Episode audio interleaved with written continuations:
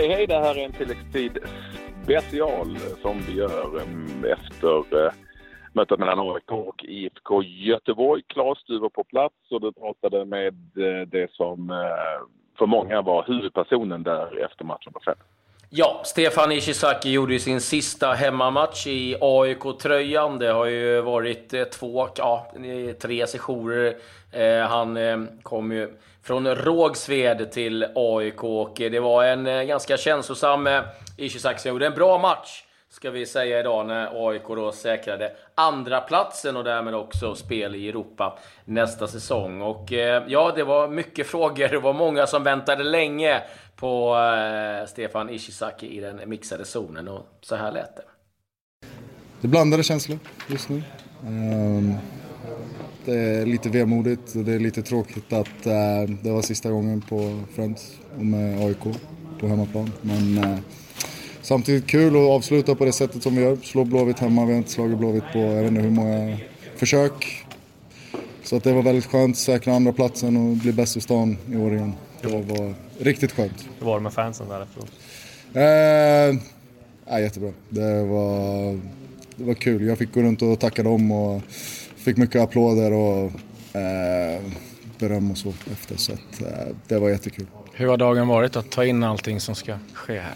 Ja, jag har försökt ladda till den här matchen som vilken annan match som helst. Eh, det, det, är så jag har gått in i stort sett varje match. Att varje match eh, tre poäng.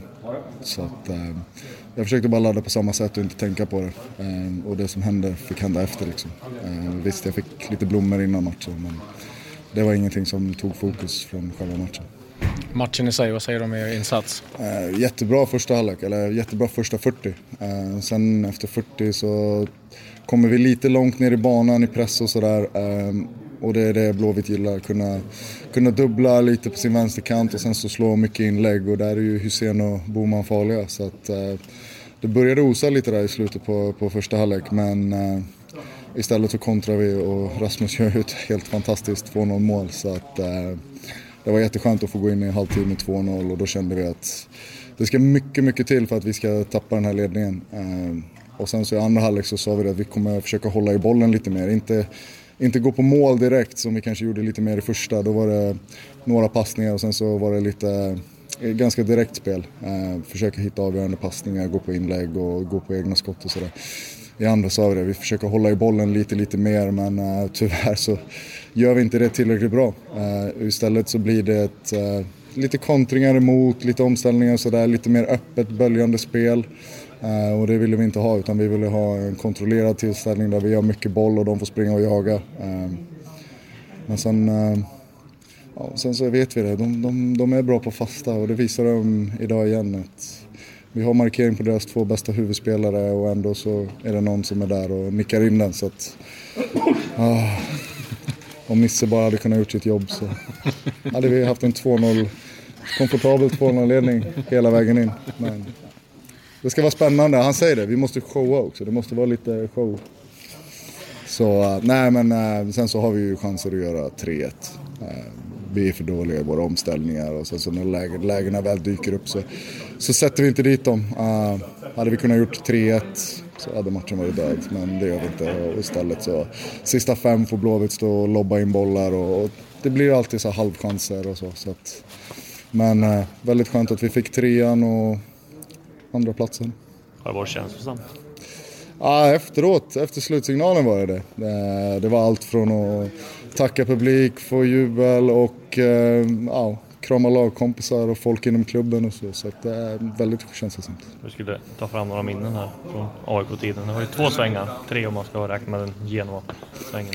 Eh, alltså jag, var det någon dag sedan, då satt jag faktiskt och tänkte, tänkte så här, vilka är de bästa minnena med AIK?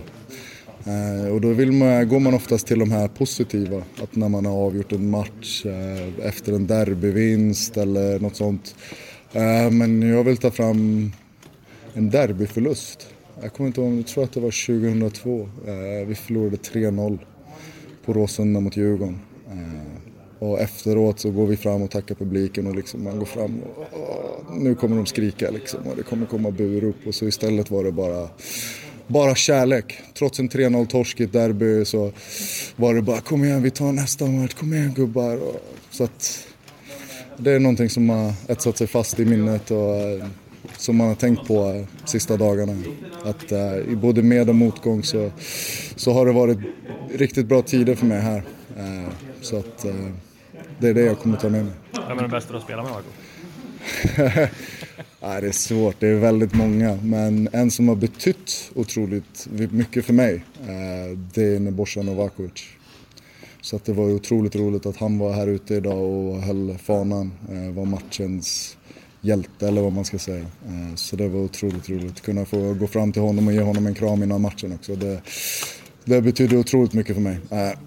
När jag kom till AIK som 16-åring från Rågsved så liksom, det är inte bara tränaren som utbildar en utan genom att titta på vissa spelare och, och liksom försöka lära sig från dem. Så Nebbo var en av dem direkt jag bara kollade på att det han gör med bollen, det han gör utan bollen, rörelsemönster, teknik. Alltså dedikation till, på träningar och för att hela tiden bli bättre. Och så. Det var någonting som verkligen fastnade hos mig. Och sen så, ja, helt otrolig fotbollsspelare också och, och människa och på senare tid tränare också. Så att, nej, han har betytt otroligt mycket för mig under min tid i AIK. Vad har AIK betytt för dig? Nej, otroligt mycket. Så, eh, när jag skulle bestämde mig för att jag skulle lämna Rågsved, division 4. Eh, och så ja, jag träffade väl egentligen alla... Oh! Du såg inte krokbenet. Jag trodde du hade spelförståelse.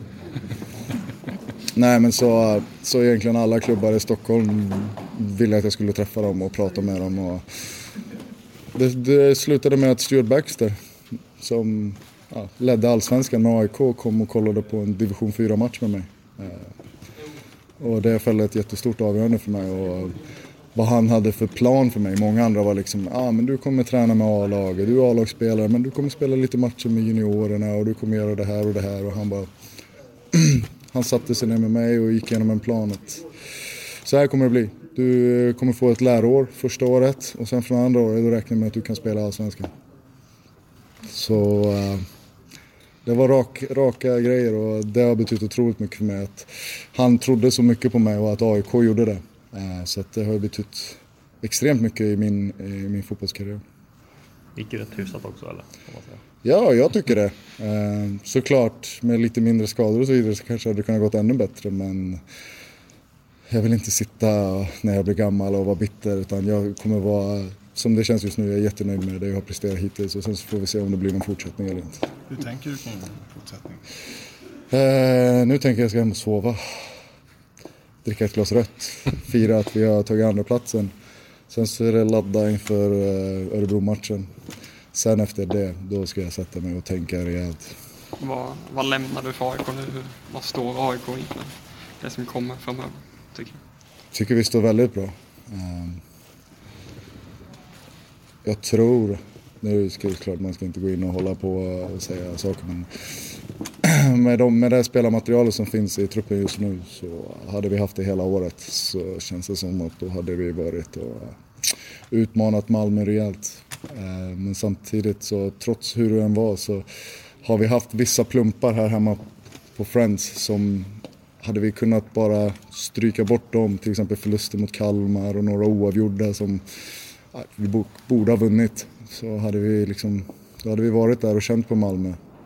Så, så att, eh, men eh, just nu är jag bara glad att vi tog andra platsen för det var det vi kunde få nu.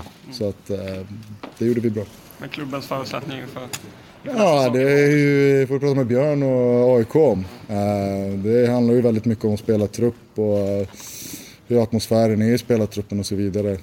Så att, men visst ser det bra ut lite sämre utan mig. Men... Jag tänker på dina lagkamrater. Vem, är det någon speciell som du kommer sakna extra mycket när du är Nej, men det är många. Det är ju det. Det blir ju en familjär stämning och sådär. I många lag jag har spelat så har man inte ätit lunch och så ihop utan man har fått lösa lunch och frukost och sådana grejer eh, på egen hand. Här i AIK under mina två och ett halvt år så har det varit ja, man kommer in tidigt för frukost och så hinner man liksom sitta och snacka en timme innan det är dags att börja göra i ordning sig och prehabba innan träning och sådär och innan möten. Eh, så att det är såklart man har kommit väldigt, många väldigt nära. Men om jag ska säga någon så är det väl eh, min rumskamrat Henrik Goitom. Vi kommer från ganska lika bakgrunder och vi har ganska lika fotbollsfilosofi och så. Så att det är väl verkligen en sån som man kommer ha som vän för resten av livet. Tränar du? Jag har sagt åt honom, han får fan jobba nu. För att om, eh, om en 10-12 år, då står jag där redo att vara assisterande. Så det, det är inte omöjligt. Men eh, att vara tränare just nu, det, det känner jag inte för. Finns det någon rädsla att lämna fotbollslivet? Lite. Eh, det är ju så att det är det här jag har hållit på med i snart 20 år. Det är det här jag kan. Så att slänga sig in i något helt nytt, det är, det är lite skrämmande. Men samtidigt så kan det vara otroligt roligt också och väldigt... Eh, ja, det är lite lockande ändå. Men ja, vi får se vad som händer. Men det ultimata i framtiden kanske är att bli tränare eller något. Men som jag känner just nu med småbarn och så, det, träna, tränare, då ska man lägga ner fyra gånger så mycket energi på fotbollen än vad man gör som spelare. Och det, jag tycker jag lägger tillräckligt mycket tid som spelare liksom, så att eh, som jag säger, om 10-12 år då, då kanske ni ser mig på någon eh, bänk någonstans. Vad ser du för något eh, utanför fotbollen? Har något annat? Nej, alltså jag har ju har varit dålig på att plugga vid sidan av fotbollen. Jag tror jag har sju och en halv högskolepoäng eller något så att eh, plugga har aldrig varit min stora sida, eller min starka sida. Eh, men jag tror att jag har en del egenskaper som företagare ändå kan se vara bra för företag och så vidare. Kommer jag på någon bra idé själv så blir det eget företag. Jag vet inte. Jag är ganska driven av mig och så, så att eh, det ska nog inte vara några problem att hitta på någonting. Marcus Rosenberg har ju, han har ju byggt en paddelhall. Du har inget sånt intresse som du hade kunnat... Uh... Ja, inte för paddel i alla fall. jag, har inte, jag, har inte, jag, har inte fast, jag har inte fastnat för den flugan. Uh, nej, men de har faktiskt en nybyggnad. Ja, visst, mitt inne i stan. Det är det som är det positiva med mindre städer. Att allting är ganska nära, så det är... Uh, nej, jag vet inte. Så många frågor i och med att bror är så duktig på mat och det går bra för honom om inte jag ska göra något liknande eller något. Och jag kan bara säga krögarlivet verkar inte så heller jättelockande just nu när man har små barn. Eh, han får slita ordentligt eh, för att ha lyckats så som han har gjort. Så han har lagt ner verkligen kropp och själ och jag tror inte jag överlever på så lite sömn som han har. Så att, eh, nej, vi får se, det, det, är ingenting som lockar just nu heller. Men eh, vi får se. Det finns väldigt mycket olika saker man kan göra.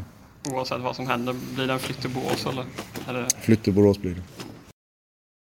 Ja, han får gå hem och njuta av ett eh, glas rött vin som han eh, var välförtjänt av efter den här säsongen och den här kvällen. Och eh, en del stora frågor och fundera på om man ska fortsätta spela eller om man ska lägga skorna på hyllan. Eh, men eh, vi, vi anar och kanske tror att det kan bli något i Elfsborg, eller säger du Patrik? Ja, för om man nu ska till Borås där hans alltså fru är ifrån och så, och funderar på, eller han ska flytta dit så jag tror inte han går till Norrby. Alltså, inte, det, det, är inte, inget för den fel på Norrby, men det är någonstans i, någonting mittemellan att spela aktivt och på hög nivå och att inte göra det. Så jag ehm, utgår från att han har två stycken väldigt eh, intressanta alternativ. Elfsborg och TV-laget. Det är de två som finns och det är ganska givet att man väljer det. ja, precis.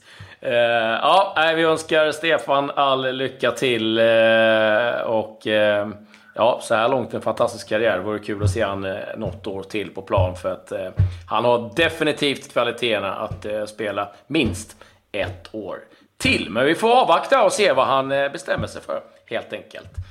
Ja, absolut. Och då vi ska han säkert inte bara dricka ett gott rött vin utan kanske käka någon bra mat också. Han är en jävel i köket och eh, så även hans bror som vi har sett i TV som en mästerkock. Så eh, ja, det blir nog någon bra käk. Mm. Det låter härligt det. Med det säger vi adjö och glöm inte att lyssna på huvudprogrammet. Som, där vi Nej, lite... det ska de Mm. Adjö, adjö. Adjö, adjö.